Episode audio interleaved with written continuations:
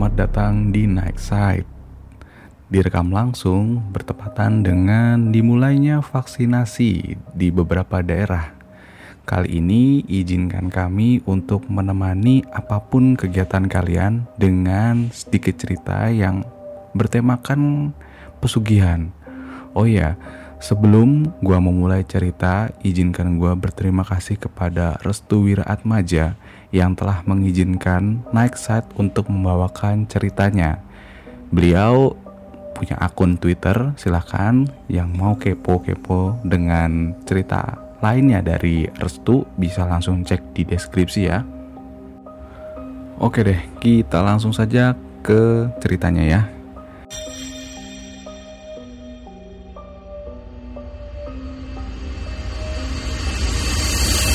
Kejadian ini bermula ketika seorang pasangan suami istri baru saja menikah dan memiliki sebuah kedai seperti kafe yang tidak terlalu besar namun penampilannya cocok dengan tongkrongan anak muda zaman sekarang.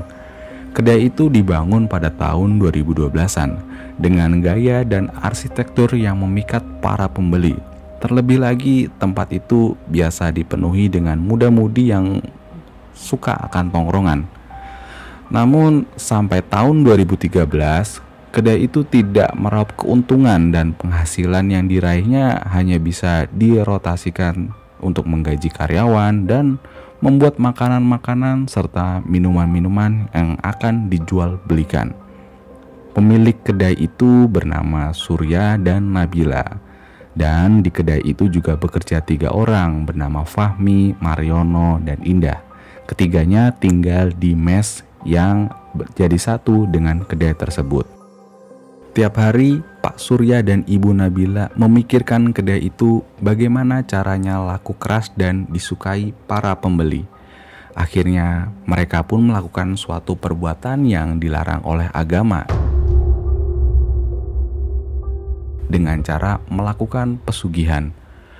Pesugihan ini bersifat sangat privasi, sampai-sampai harus melakukan segala cara untuk mengulik kilas balik dari semua tata cara ritual yang dilakukan oleh Pak Surya dan Ibu Nabila ini.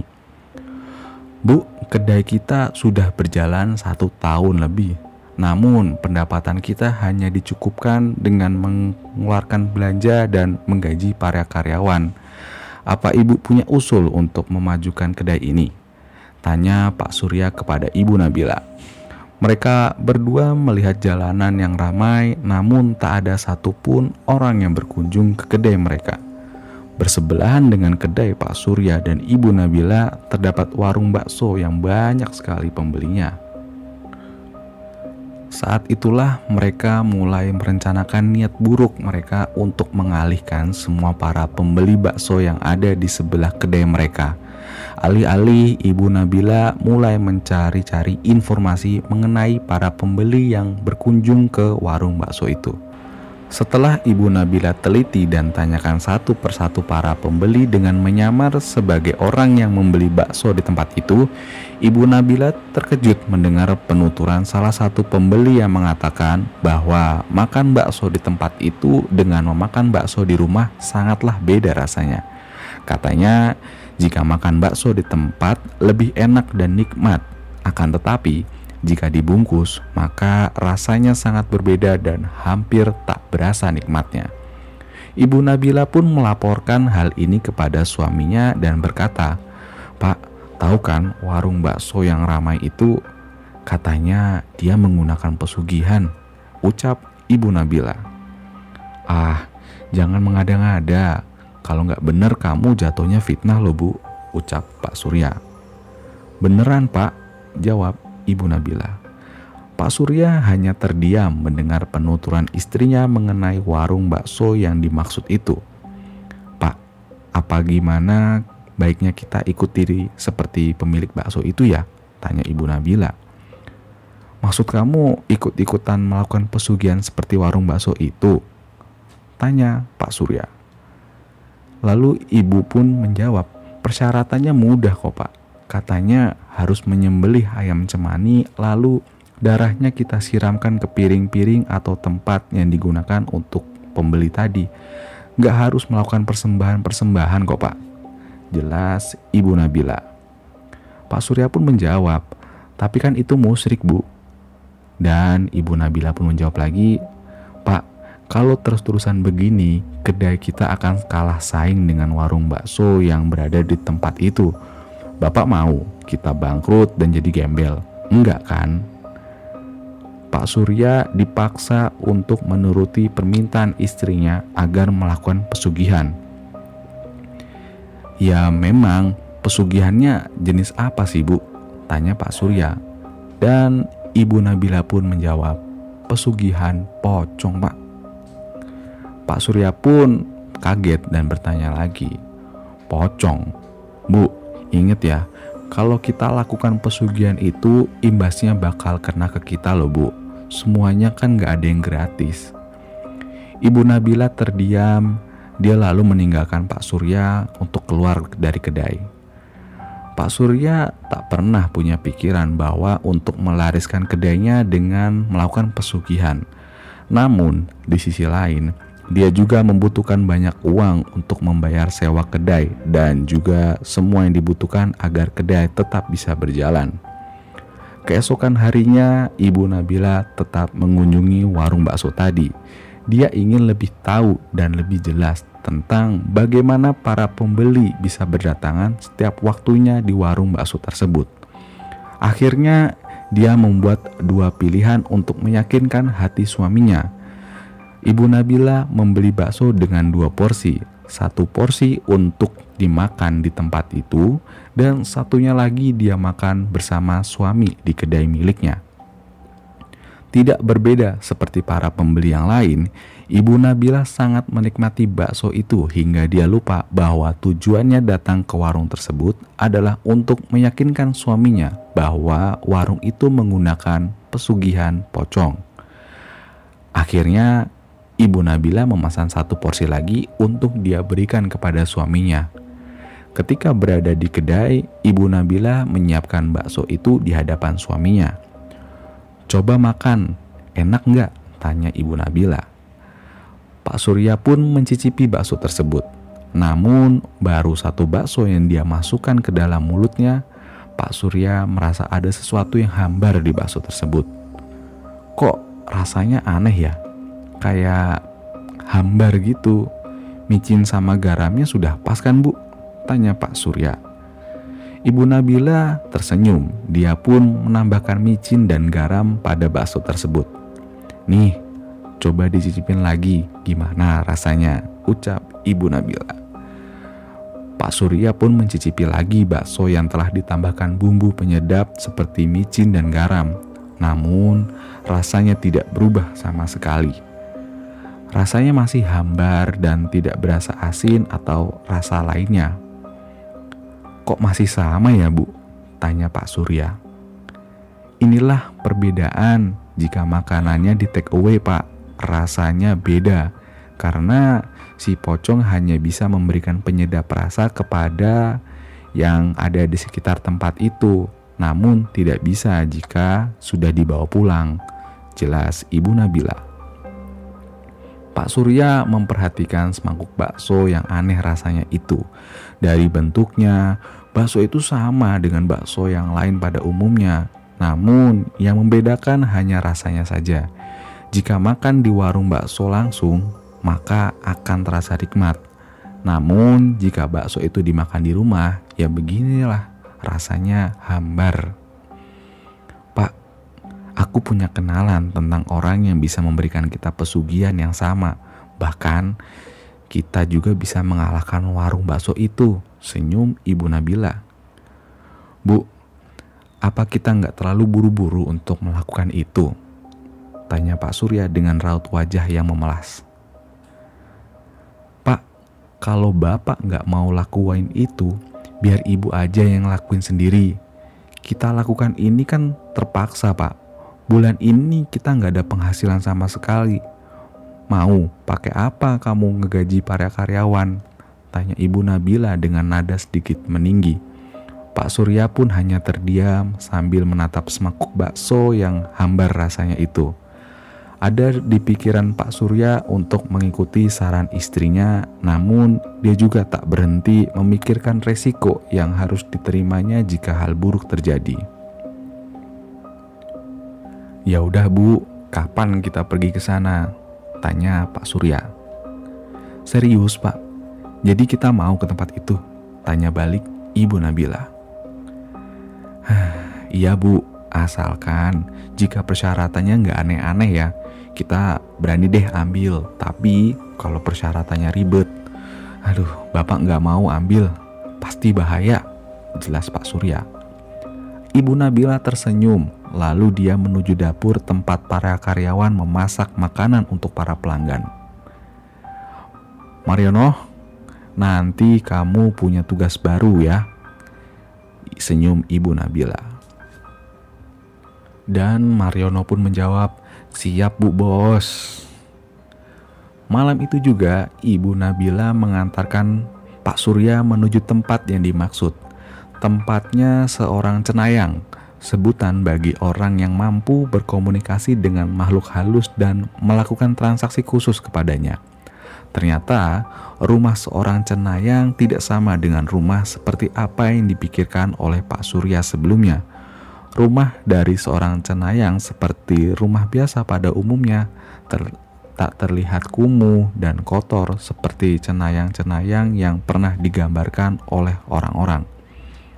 Ibu Nabila dan Pak Surya memasuki rumah itu. Mereka bertemu dengan seorang lelaki tua bernama Warso. Ibu Nabila yakin bahwa Pak Warso adalah cenayang yang dimaksud setelah dia melakukan banyak pencarian di balik suksesnya warung bakso tersebut. Apa kebutuhan kalian? Tanya Pak Warso. Pak Surya menatap wajah istrinya, Ibu Nabila, yang tampak percaya diri dengan pilihannya. Kami ingin kaya raya, Mbah, ucap Ibu Nabila. Pak Warso tertawa sekencang-kencangnya dia menatap wajah Pak Surya dan Ibu Nabila secara perlahan, seperti orang yang akan melumat makanan yang disukainya. Menjadi kaya raya tanpa merasakan kesusahan itu mustahil. Namun, itu bisa terjadi jika kamu ingin menukar semuanya. Antara manusia dengan Allah memiliki ikatan yang sangat kuat. Namun, Kadang mereka tidak pernah menyadari arti dari kehidupan yang sebenarnya yang hanya sekali ini le, ucap Mbah Warso. Mbah Warso mengambil sebuah ikatan tali pocong yang telah diambilnya beberapa hari yang lalu. Nih, ikatlah tali ini di suatu tempat yang tersembunyi. Lalu sirami semua mangkuk, piring, gelas, dan hal-hal yang berkaitan dengan kedai milikmu. Jelas Mbah Warso. Pak Surya tersentak mendengar ucapan Mbah Warso. Sejak kapan dia mengetahui tentang kedainya? Lalu Mbah Warso pun menjelaskan, jangan kaget, warung di sebelah tempatmu itu melakukan hal yang sama kok. Pak Surya pun berkata, jadi isu mengenai pesugihan pocong itu benar adanya mbah. Mbah Warso pun hanya mengangguk. Ibu Nabila mengambil ikatan tali pocong yang diberikan Mbah Warso kepadanya. Ibu Nabila pun menyerahkan segepok amplop yang terisi penuh dengan uang. Bayaran pertama adalah bersifat materi atau yang nampak, namun bisa jadi bayaran keduanya adalah nyawa mereka berdua. Mariono adalah karyawan yang taat akan aturan yang diberikan pemilik kedai, yaitu Ibu Nabila dan Pak Surya. Namun, dalam ketaatan Mariono, dia juga memiliki hak kemanusiaan yang tinggi. Kedai milik Pak Surya dan Ibu Nabila pukul 15.00, posisi itu dianggap sangat dominan dengan keadaan para customer yang mungkin mengambil jam waktu makan. Karena itu, Pak Surya dan Ibu Nabila menyuruh kepada Mariono dan karyawan lainnya untuk mempersiapkan sebelum jam 15.00 tiba. Hari-hari yang dijalankan oleh Mariono menjadi berbeda ketika tuntutan barunya baru saja diterimanya. Di ruang khusus tempat Pak Surya dan Ibu Nabila, Mariono dipanggil untuk hal-hal yang serius. Mariono, kamu adalah karyawan yang sangat berkompeten dan memiliki komitmen tinggi untuk memajukan kedai ini. Karena itu, aku meminta bantuanmu. Ini mungkin agak sulit, tapi percayalah, kamu harus menerimanya ya, ucap Ibu Nabila. Ibu Nabila membuka plastik hitam berisi ikatan tali pocong beserta dengan lemah layat yang nantinya akan ditaburi di suatu tempat khusus. Mariono bingung, apa ini bu? Lalu Ibu Nabila menjelaskan, ini adalah tugas barumu. Kita akan melakukan pesugihan pocong. Mariono terkejut dengan apa yang didengar barusan hatinya menolak keras terhadap tawaran yang diberikan Ibu Nabila. Bu, ini kan dosa bu, tanya Mariono. Mariono, kamu ingin karirmu melesat tinggi dengan gaji yang bisa mencukupi semua kebutuhanmu kan? Ibu Nabila pun menggoda.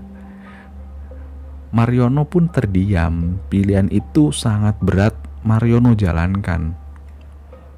Ibu Nabila pun menjelaskan lagi, Persyaratannya sangat mudah. Kamu hanya menyirami seluruh perabotan dapur dengan darah ayam cemani. Lalu kamu bersihkan pakai sabun atau apa pun lah agar bau darahnya hilang ya. Pak Surya sedari tadi hanya diam. Dia tidak mau ikut berargumen mengenai tugas baru Mariono yang sangat berat itu. Namun di sisi lain Pak Surya juga tidak bisa menolak bahwa keinginan istrinya adalah pilihan yang sangat tepat untuk memajukan kedainya. Gimana? Apa ini sangat berat bagimu? Tanya Ibu Manabila ke Mariono. Tidak bu, saya akan jalankan semuanya. Apa pun perintah ibu dan bapak akan saya jalankan asalkan tidak menyangkut keluarga saya dan nyawa saya sendiri ya Bu, jelas Mariono. Nah, baiklah, besok sebelum kedai ini dibuka, kamu boleh melakukan tugasmu. Nanti gajimu akan kunaikan dua kali lipat ya. Jika hasilnya udah kelihatan, maka akan kunaikan lagi sampai lima kali lipat. Oke? Mariono hanya terdiam dia tidak mau berkomentar lagi mengenai pendapatannya tadi. Ibu Nabila pun mempersilahkan Mariono keluar dari ruangan. Dengan selesainya diskusi mengenai tugas baru Mariono, Ibu Nabila pun memasang ikat tali pocong di ruangannya. Lalu dia juga menaburi lemah layat di sekitarnya. Pak Surya ingin sekali mengingatkan istrinya, namun dia kalah dengan ketakutannya terhadap apa yang dihadapinya nanti. Pak, besok kita akan mulai, karena itu cari ayam cemani hitam tolong dong. Lalu serahkan semua darahnya kepada Mariono besok. Semoga dengan tirakat ini semua akan berjalan lancar. Tidak ada tirakat yang tidak ditebus dengan resiko yang besar. Iblis memang licik. Dia memperdaya manusia dengan kemewahan semata namun setelah usai, banyak sekali sesuatu yang tidak terduga yang akan dijadikan pertanggungjawabannya nanti. Keesokan harinya, tepat sebelum kedai dibuka, Pak Surya mendatangi kedai. Kebetulan saat itu Mariono dan dua karyawan lainnya yaitu Indah dan Fahmi yang mendiami kedai mereka berasal dari luar kota sehingga kedai pun mempersiapkan mes untuk mereka bertiga. Tujuan kedatangan Pak Surya adalah untuk menyerahkan darah ayam cemani kepada Mariono. Noh, bos datang tuh, teriak Fahmi. Hah, cepet banget, jawab Mariono. Kok dia bawa plastik hitam? Emang ada menu baru ya hari ini? Tanya Indah penasaran. Plastik hitam, Mariono mengingat sesuatu yang harus dikerjakan olehnya. Fahmi pun penasaran, kenapa no? Mariono pun menjelaskan lagi, nggak apa-apa. Gue duluan ya, ada tugas baru dari bos. Mariono meninggalkan Fahmi dan Indah yang masih berada di kamar. Mereka berdua tidak tahu menahu mengenai tugas baru Mariono itu. No, kata ibu, kamu lakukan sekarang. Suruh Indah dan Fahmi untuk beresin bagian depan. Kedai dibuka cepat, karena kita mau lihat dulu keampuhan dari pesugihan ini. Jelas Pak Surya. Mariono pun hanya mengangguk. Pak Surya meninggalkan Mariono sambil menyerahkan bungkusan plastik hitam Bungkusan plastik hitam itu berisi darah ayam cemani yang sudah terbungkus rapi. Mariono pun menaruh bungkusan itu di meja, lalu dia menuju kamar untuk memberitahu Indah dan Fahmi untuk membereskan kedai bagian depan. Dah, Fahmi, kedai mau dibuka cepat, jadi kata bos kalian berdua beresin depan gih. Jelas Mariono. Hah, mau dibuka cepet. Emang ada acara apa? Nggak kayak biasanya. Ucap Indah. Udah, nurut aja lah. Ucap Fahmi sambil bersiap-siap untuk membereskan depan kedai. Indah pun menuju kamarnya untuk mengganti baju. Kedai itu memiliki tiga kamar, satu kamar untuk laki-laki, satu kamar untuk perempuan, dan satu untuk ruangan khusus tempat Ibu Nabila dan Pak Surya bila suatu hari menginap di kedai. Fahmi bertanya, No, kenapa ya kedai mau buka cepat? Mariono hanya menggeleng-gelengan kepala. Hmm, kalau kata gua sih, kayaknya bos ada strategi baru nih buat ngeramein kedai. Sepertinya bos udah sadar kalau kedai ini kalah saing dengan warung bakso sebelah. Jelas Fahmi. Mariono hanya terdiam tanpa sadar bahwa apa yang dikatakan oleh Fahmi ada betulnya juga. Udah, cepet sana beresin depan, kata Mariono dengan tegas. Kok lu gitu? Kenapa sih emangnya? Tanya balik Fahmi. Mariono menjelaskan, gua ada tugas baru, makanya gua kudu cepet-cepet kerjain. Tugas apa emang? Udahlah, kamu nanya mulu. Gua nggak akan ngerjain ini kalau lu banyak nanya. Iya iya, akhirnya Fahmi pun meninggalkan Mariono. Siap belum dah? Tanya Fahmi. Yuk kita berangkat. Indah pun menjawab.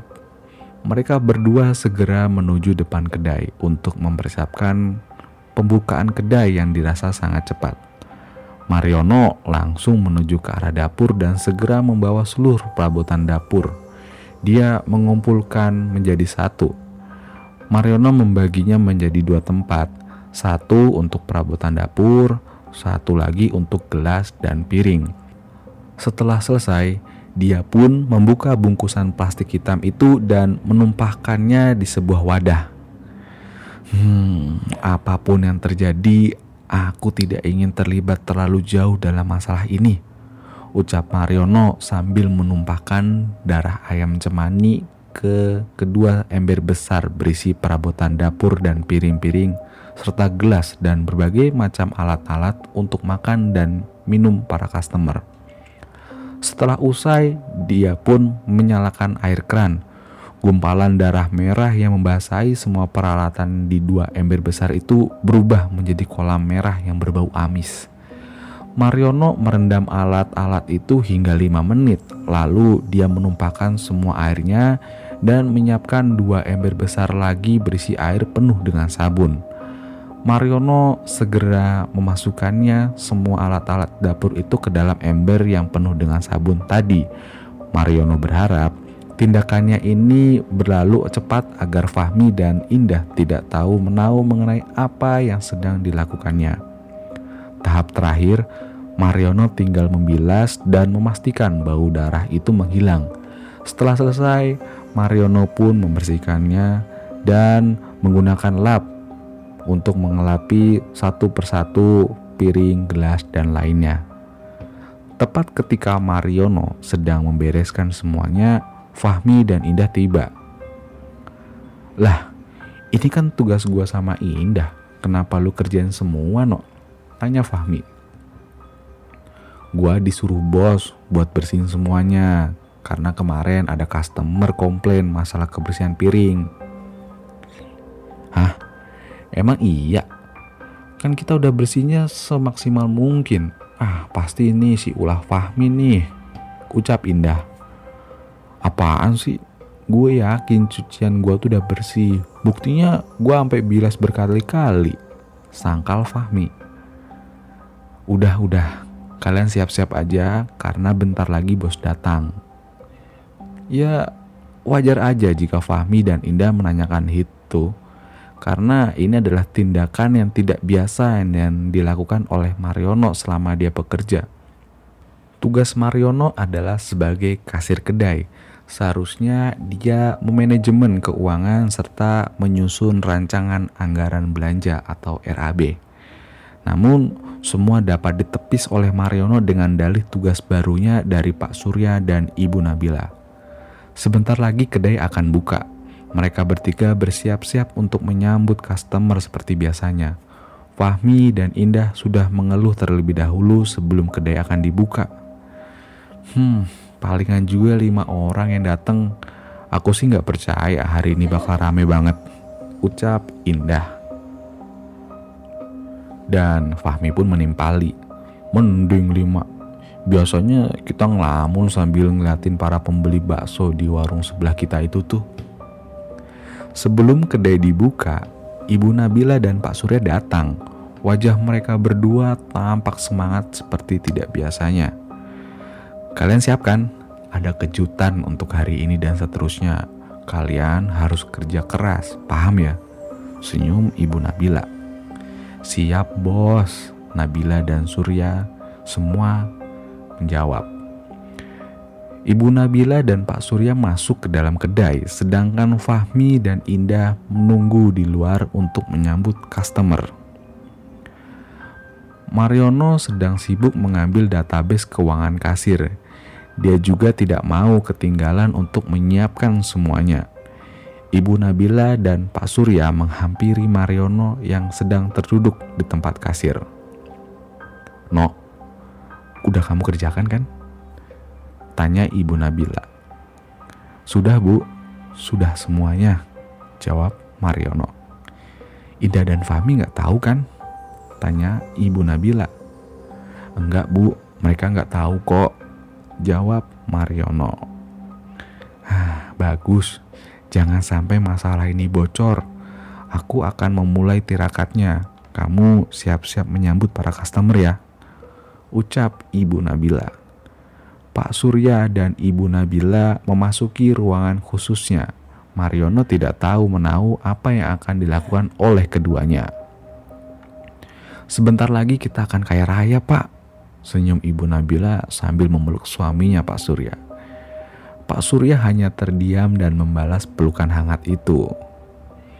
Bapak marah, tanya Ibu Nabila. Apakah yakin ritual pesugihan ini tidak memakan korban, Bu? Tanya balik Pak Surya. Pak, lihat aja di warung itu, apakah ada korbannya? Semua tampak baik-baik aja kok. Bahkan pegawainya nambah banyak, benar kan? Tanya Ibu Nabila. Iya sih Bu, tapi aku takut kalau kita akan jadi korbannya, ucap Pak Surya. Hus, gak akan ada korban kok pak. Ibu Nabila mencoba untuk menenangkan kegelisahan yang sedang dihadapinya Pak Surya. Dia mencoba untuk menghibur dan mengatakan baik-baik saja, padahal resiko yang akan dialaminya belum tentu sesuai dengan apa yang dipikirkannya. Ayo pak, mulai. Jangan ragu, semua akan baik-baik aja kok, senyum Ibu Nabila. Ibu Nabila mulai membuka tirakat memanggil pocong tersebut. Nantinya pocong itu akan meludahi tiap barang-barang yang sudah tersentuh dengan darah ayam cemani. Memang hakikatnya darah itu telah hilang secara fisik, namun secara metafisik darah itu masih menempel di setiap wadah yang telah disirami dengan darah ayam cemani. Ibu Nabila memulai tirakatnya dia membaca bacaan khusus yang diperoleh dari Mbah Warso. seorang cenayang yang bisa dikatakan memberikan jasa pesugihan kepadanya.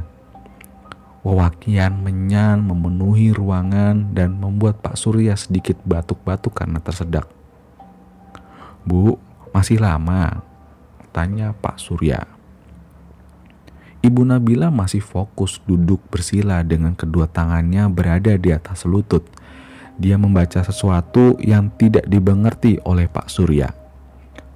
Pak Surya mencoba mendekati Ibu Nabila, namun ketika dia ingin menyentuh pundak Ibu Nabila, Pak Surya merasakan bebauan menyan itu telah berganti menjadi bau pandan. Kok baunya berubah ya? Tanya Pak Surya. Ibu Nabila pun menengok ke belakang. Udah pak, tirakatnya udah selesai, ucap Ibu Nabila sambil tersenyum, menatap ke arah pojokan ruangan itu. Ada apa bu? Tanya Pak Surya. Ibu Nabila berhasil mengundang pocong tersebut. Dia berada di pojokan ruangan hanya terdiam lalu menghilang lagi. Ibu Nabila bangkit dari duduknya. Ayo pak, customer sudah menunggu di depan. Kita harus menyambutnya. Ucap Ibu Nabila dengan semangat. Ah, masa secepat itu? Tanya Pak Surya. Tiba-tiba Mariono mengetuk pintu ruangan sambil berkata, Pak, Bu, di depan banyak customer. Kami kewalahan, ucap Mariono. Ibu Nabila tersenyum mendengar hal itu. Dalam hati Pak Surya, kok bisa ya secepat ini efeknya? Ayo Pak, kita bantu-bantu. Besok kita buka lowongan kerja. Barangkali kita butuh chef banyak untuk masak. Senyum Ibu Nabila. Bukan hal yang mudah bagi Pak Surya untuk mempercayakan apa yang baru saja terjadi. Ini seperti mimpi baginya. Setelah sekian lama, kedai miliknya tidak pernah ramai. Pak, lihatlah, customer di depan berdatangan dengan sendirinya, ucap Ibu Nabila dengan penuh semangatnya. Pak Surya hanya memandangi para customer yang berasal dari berbagai kalangan. Ada yang pelajar, pekerja, mahasiswa, dan mahasiswi. Bahkan beberapa darinya adalah pekerja negeri sipil yang memang kedatangannya membuat hati Pak Surya terpukau. Bu, ayo bantu yang lainnya. Pak Surya pun menyuruh ibunya membantu. Pak Surya dan Ibu Nabila melayani customer yang terus berdatangan. Entah sudah berapa ratus customer yang mendatangi hingga kedai yang hanya muat beberapa orang itu sampai tumpah ke jalanan belum tahu pasti apa penyebab customer tersebut berdatangan. Namun, yang pasti ini adalah berkat pesugihan pocong yang dilakukan keduanya untuk menarik para customer dan mencicipi makanan dan minuman yang tersedia di kedai tersebut. Yang membuat Pak Surya terkejut lagi adalah kedai ini buka dengan cepat dan tutup dengan cepat.